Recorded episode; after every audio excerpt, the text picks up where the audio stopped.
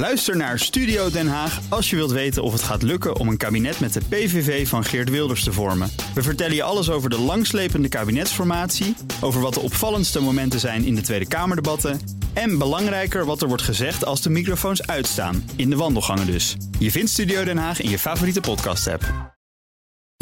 BNR Mobility wordt mede mogelijk gemaakt door ALD Automotive en BP Fleet Solutions. Today, tomorrow, together.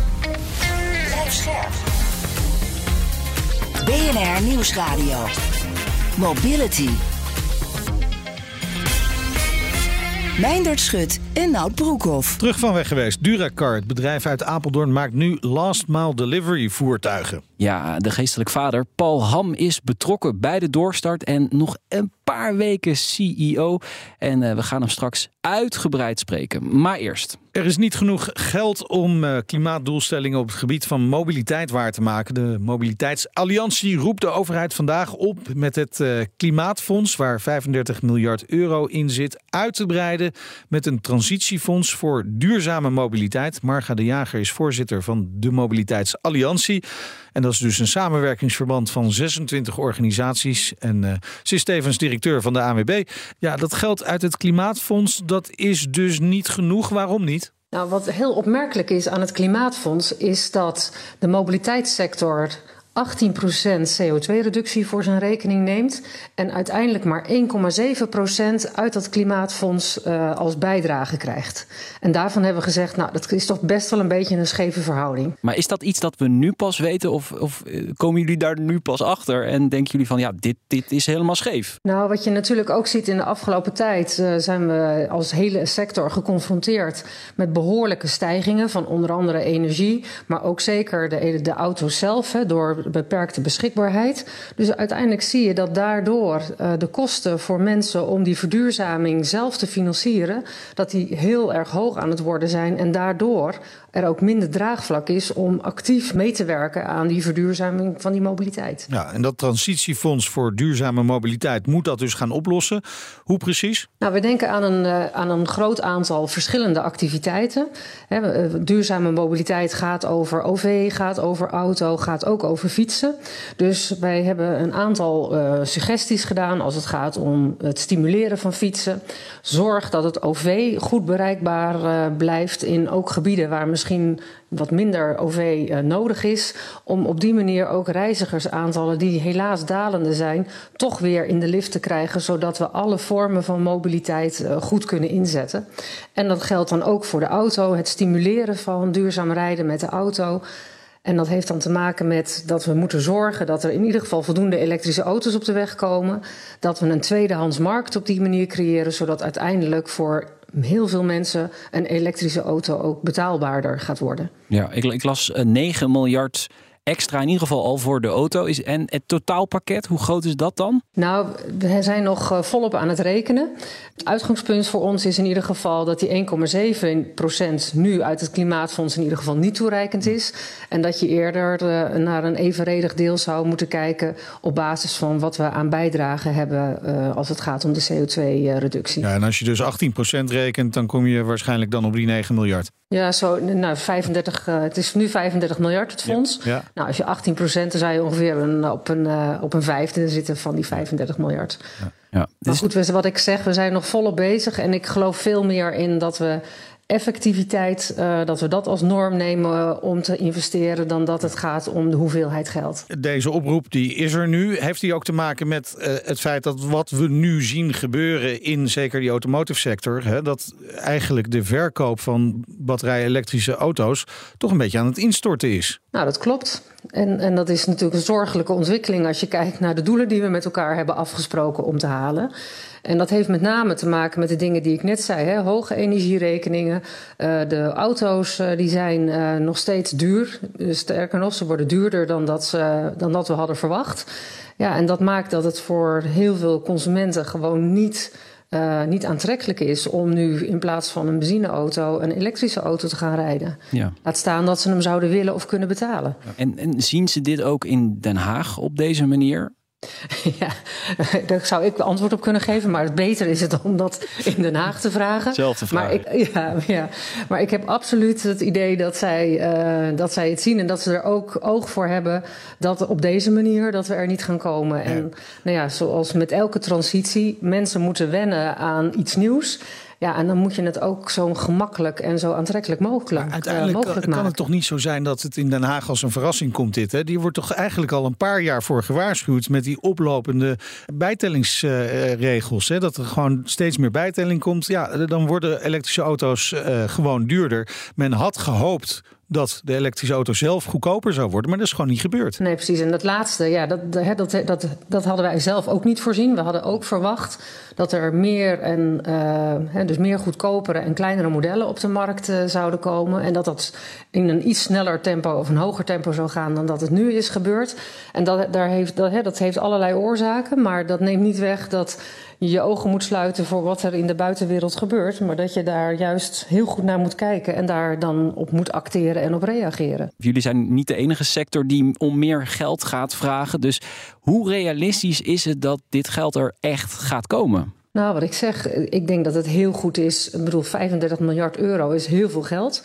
En uh, wij zouden, het hoeft niet per se een uitbreiding van die 35 miljard te zijn, maar je kan ook naar een herverdeling van die 35 miljard kijken, waardoor je in ieder geval de effectiviteit voorop stelt en niet alleen maar de hoogte van het bedrag. En dan zouden wij daar met goede plannen ook in ieder geval uh, deel van uit kunnen maken en ook aanspraak op kunnen doen. Ja.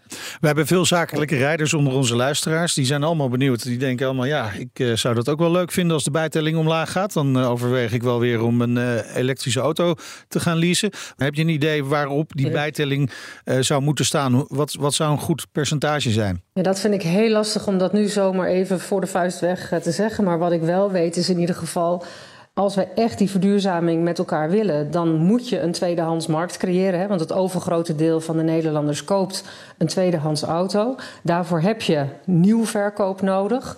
Dus het lijkt me heel verstandig om goed te kijken naar welke auto's je maximaal fiscaal wilt stimuleren. Om daarmee ook daadwerkelijk die tweedehandsmarkt, die bereikbaar moet zijn voor consumenten, voor, uh, om die in ieder geval te creëren. Nou ja, ja. simpel. En daar dan ook die percentages op aan te passen. Het was ooit nul. 0 Het, het, was ook nooit, het was ooit nul, ja. ja. En we hebben op een gegeven moment gezegd van nou, misschien is het verstandig om dan juist tot een bepaald bedrag, hè, bepaalde cataloguswaarde, ja. extra uh, korting te geven op de bijtelling. Nou, ik denk dat dat hele goede maatregelen zijn geweest die in ieder geval ertoe hebben bijgedragen dat er in ieder geval nieuw verkoop uh, is, uh, is geweest.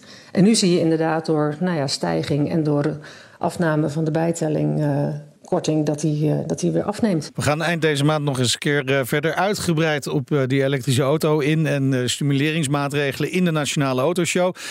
dank voor nu, Marga de Jager, voorzitter van de Mobiliteitsalliantie en directeur van de ANWB. Tot binnenkort. BNR Mobility. Duracar is terug. Ja, het bedrijf uit Apeldoorn maakt nu elektrische last mile delivery voertuigen die je binnenkort bij ons op de weg ziet rondrijden. Ja, en nog even en dan geeft de geestelijk vader Paul Ham de dagelijkse leiding bij Duracar uit handen. Maar uiteraard is hij eerst nog even bij ons te gast. Welkom, leuk dat je er bent. Fijn hier te zijn. Even voor de luisteraars die nu denken, Duracar, hoe zat dat ook alweer? Ik heb er ergens ooit misschien wel iets van gehoord, maar ik ben het ook weer een beetje vergeten. Hangt er vanaf uh, welke luisteraar. Maar Duracar heeft inderdaad een uh, historie gehad in, in 2008, 2007. Toen hebben we voor het eerst elektrische wagens geproduceerd, vol elektrisch. Zijn ermee naar Parijs gereden op het Salon d'Automobile. Ik heb het toen overgedragen aan E-Concern in 2001, 2008. Ja, en toen ging het helaas mis. Helaas, ja. Was 2008, economische crisis. E-Concern heeft het niet gered. Grote groep, E-Concern NV, werd gesteund door banken en door Ventelen van Vlissingen. Dus ik dacht, dat zit altijd goed. Ja. En dat zat niet goed. Nee. En het mooie is dat we spraken elkaar voordat we deze opname gingen doen. Toen zei ik, ja, het is mislukt destijds. Maar zo zie jij dat niet, hè? Het is niet helemaal mislukt. Het is helemaal niet mislukt. Nee. Uh, het is, uh, is nooit failliet gegaan. Ecolzeulen ging failliet. Ja. En de, de, curator heeft het toen, ik zeg wel eens onderbiedig, verkwanseld. Helaas naar China. Toen de groep heette Sinotech. Tegenwoordig overgenomen door BYD. Ja. Een vrij grote club. Nogal. En ik zag onlangs op de IA mijn eigen auto weer terug. Dus dat is wel... Oh, ze hebben nog steeds de rechten op dat Ze ontwerp. hebben de rechten niet. Het is Oh, eh, oh. verkwanseld en eh, ik heb dat aangevochten. Want ik beroep, en beriep me op dwaling dat Econsult had me verkeerd geïnformeerd. Hmm. En twee maanden na het overdragen van onder andere Duracar, maar ook de bio-MCN-fabrieken, eh, biomethanol in Delfzijl, torrefactiefabrieken, et cetera. En daar kreeg ik aandelen voor in de groep Econsult. Ja.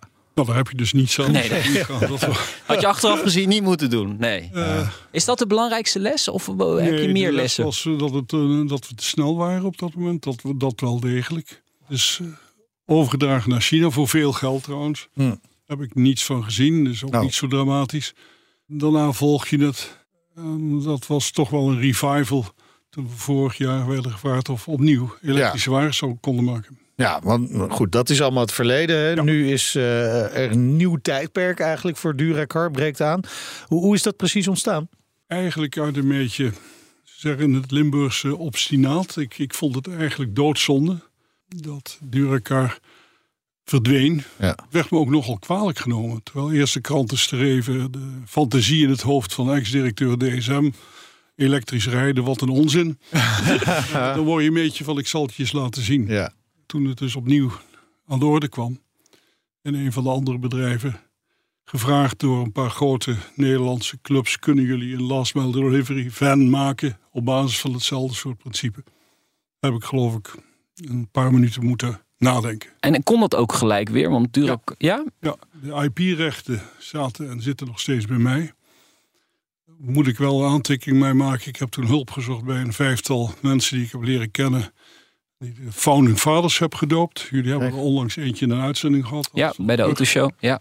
Ook Siets Bauer, eh, Henry de Jong, Dennis Romer en Ludwig Wijmer erbij betrokken. Daar zit wel wat kapitaal achter. Het kapitaal was niet het belangrijkste. Oké. Eh, ik ben met mijn 37 jaar, maal twee. Ja. Heb je behoefte aan, aan mensen die eh challengen, die dingen kunnen overnemen. En deze mensen konden en wilden dat ook. Ja, het is een start, weer, eigenlijk weer een nieuwe start-up. Hè? Dus je wil een jong bestuur. Dus ja, ja ik snap het. Ja. ja. Maar het is wel jouw kindje dan natuurlijk. En dat is het eh, kenmerken aan kinderen. Dat blijft ook zo mee. Ja. Maar ik deel het wel. Het vaderschap deel ik nu met een aantal andere mensen. Mooi gezegd. Maar- het is ook wel mooi dat je het nog een keertje kunt doen, dat kindje natuurlijk. Hè? Want je was er vroeg bij in 2008. Dan, dan ben je echt Was een van de pioniers geweest. Was te vroeg. We reden in 2008, eh, reden we van Maastricht naar Parijs. Ja, precies. Zonder bij te tappen. En leuk was ook eh, op een gegeven moment in een test op het, een van de Duitse racecircuits. Werd die gezet tegen de toenmalige Tesla. Dat was nog niet de Tesla zoals we hem nu kennen. De Roadster. Het was, nee, het was toen een Lotus. Ja, precies. Uitgevoerd met batterijsystemen. En die zou even laten zien dat elektrisch rijden zo leuk was. Nou, wij wisten toen wat het koppel was van de Tesla. En we hebben in die bestelwagen, want het was een model overgenomen van Ayacoca. De redder van Chrysler destijds. Hè? ja, ja, dat is even goed om hij uit te was leggen. CEO van Ford, werd CEO van Chrysler. Toch wel een aparte vent. Anders hoor je dat ook niet, denk ik. Nee. En hij had dat model, en dat hebben we toen naar Nederland gehaald. Hebben het eh, een maand of negen op de weg gebracht. Maar die bestelwagen, die hebben we toen op dat circuit een topsnelheid gegeven van 192 km per uur. Zodat we die fameuze Tesla Ja. er soepel uitreden. Oh, zijn er nog beelden van? En die zouden nu viral gaan. niet. Eh, moet ik een van mijn kinderen vragen. Die weet op YouTube Oh, dat soort ja, dingen. dan zou het gewoon eh, sowieso, anders als het niet op YouTube zou, sta- sta ik het snel erop zetten. Ja. Eh, maar goed, even de nieuwe, de nieuwe fase van Duracar eigenlijk. Waarom ligt die focus, want je zei al, ja, we konden gewoon in één ruk van af naar, naar Parijs rijden. Waarom ligt die focus op de last mile delivery? Ah, omdat we gevraagd werden of we dat konden doen. Ja, ja, ja. Door een bepaalde partij. Door een aantal partijen waarvan één heel bekend is. Ah, oké.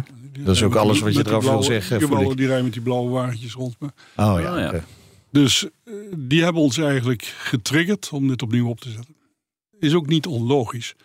Last mile delivery is echt iets van de laatste jaren. En op dit moment zie je vrijwel alle grote OEM's, en niet te vergeten Chinese partijen, met, laten we dan noemen, normale elektrische auto's komen. Personenvervoer. Personenvervoer eh, gaat ook langzaam richting Van bestel, Ja. auto's, busjes. Ja. bestelauto's, bussen. Daar moet je misschien niet mee willen concurreren. Last mile delivery is iets dat is nog even blijven liggen. En we zijn daar een van de eerste nu opnieuw. Nou, ik zie wel, het Picnic heeft ook van die dingetjes Picnic rondrijden. hè? Is Ja. zeker een voorloper geweest. Heeft een Frans model wagen naar Nederland gehaald.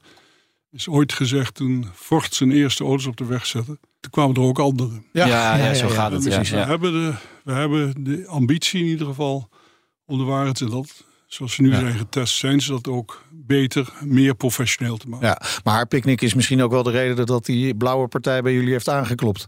Zou zomaar eens kunnen. Ja, ja zou zomaar eens kunnen. Als je de tweede bent, hè, mm, eigenlijk zijn jullie misschien wel de eerste geweest, maar goed, met een, met een pauze dan nu toch de tweede.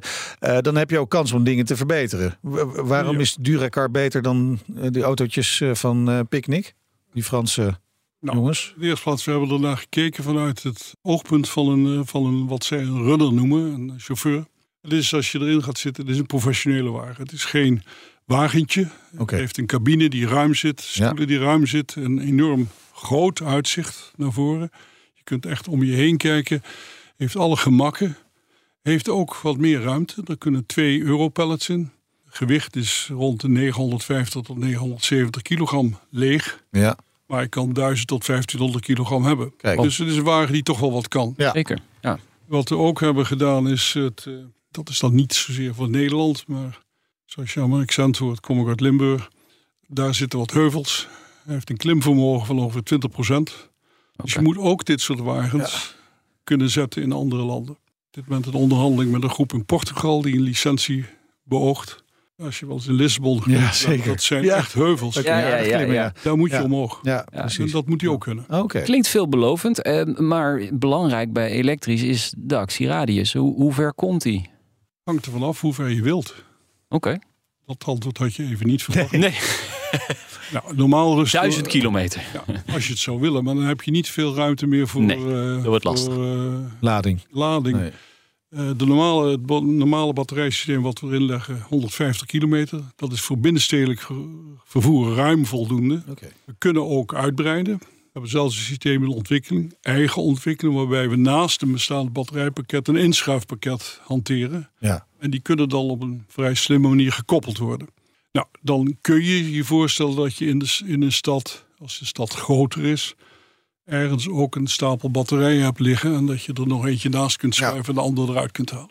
Een soort het- range extender dan. re- Zo, ja, ja. dat is het eh, goed Nederlands woord. Ja. Ja. Maar in principe 150 kilometer. Mensen die nu 150 luisteren denken, oh, dat moet ik hebben eh, voor mijn winkel of wat dan ook. Die, dan weten ze waar ze aan toe zijn. En ze worden ook al gemaakt. Ja, we hebben ze ontwikkeld in 2022. We waren binnen negen maanden stonden we gecertificeerd op de grote autotentoonstelling in Hannover, de IAA.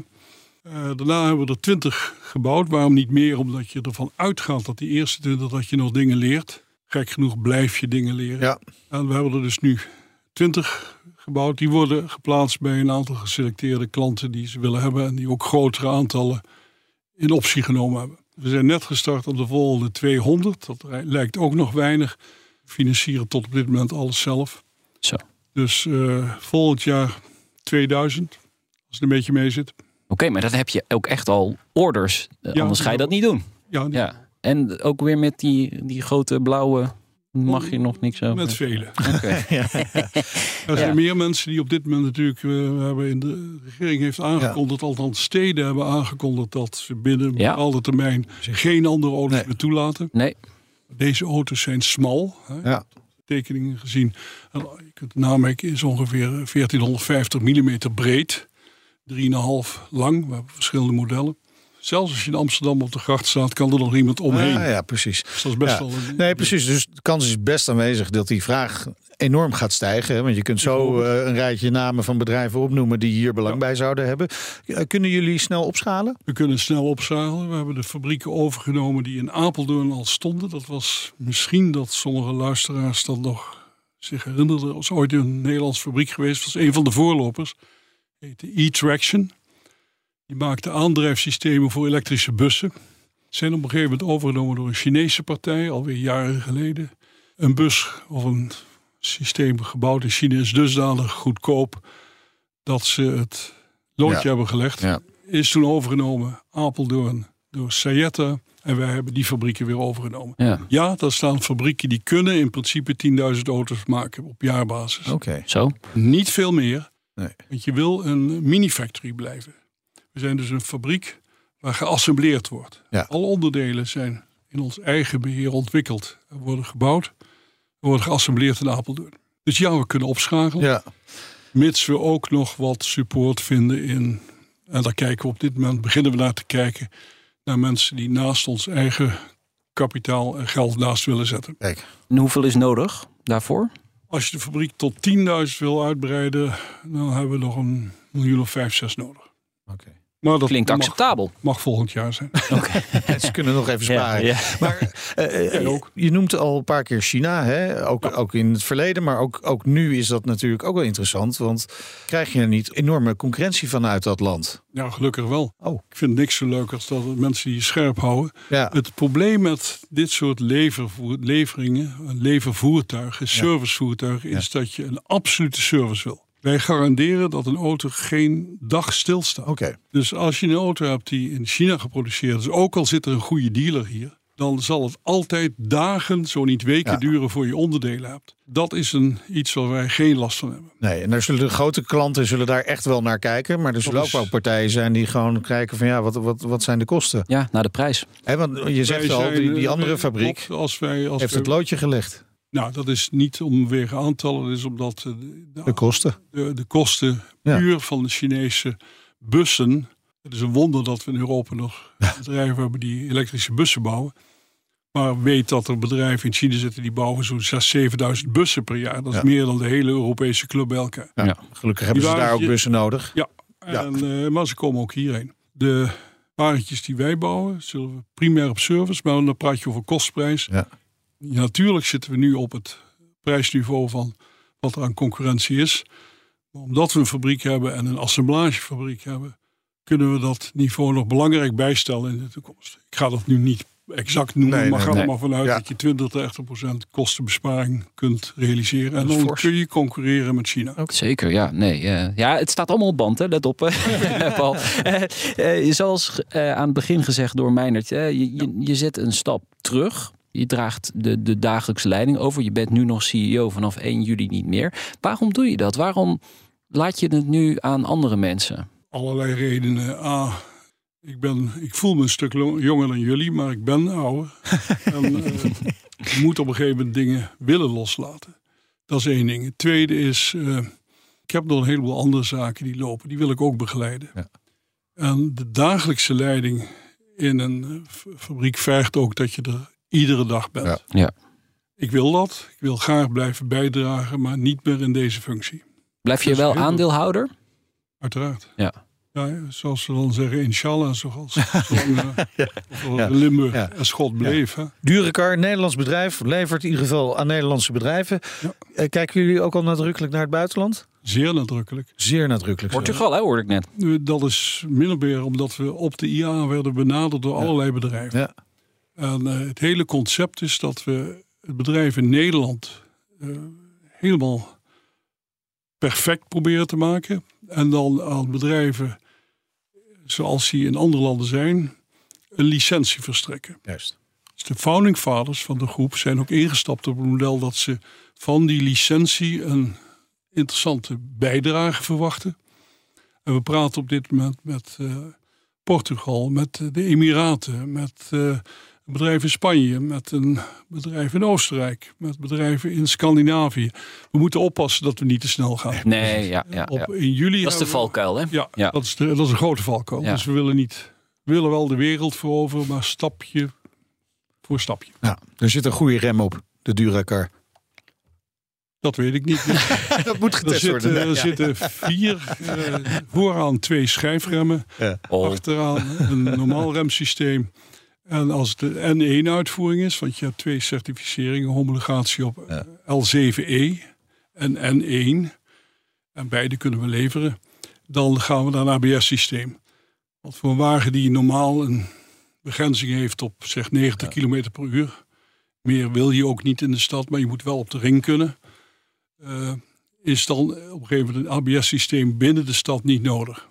Toch mooi dat een grapje van jou nog Ja, deze technische kennis precies. even oplevert. Heel Bedoelde mooi. natuurlijk ook eh, niet de fysieke rem, maar de geestelijke rem. Om niet te Oh, hard te hoeven gaan met, met de ontwikkeling van het bedrijf. rem, geestelijke rem. Ja, die hebben we ook. Gelukkig, gelukkig.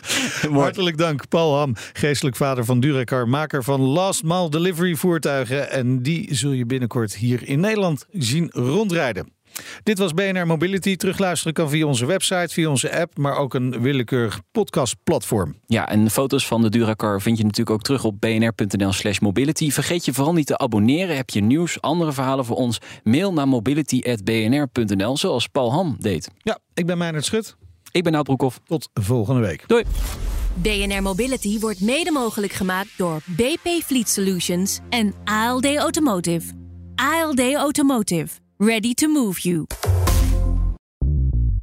Bij BNR ben je altijd als eerste op de hoogte van het laatste nieuws. Luister dagelijks live via internet. Bas van Werven. En heel langzaam komt de zon op rond dit tijdstip. Je krijgt inzicht in de dag die komt op BNR, het Binnenhof in Nederland en de rest van de wereld. De Ochtendspits. Voor de beste start van je werkdag. Blijf scherp en mis niets.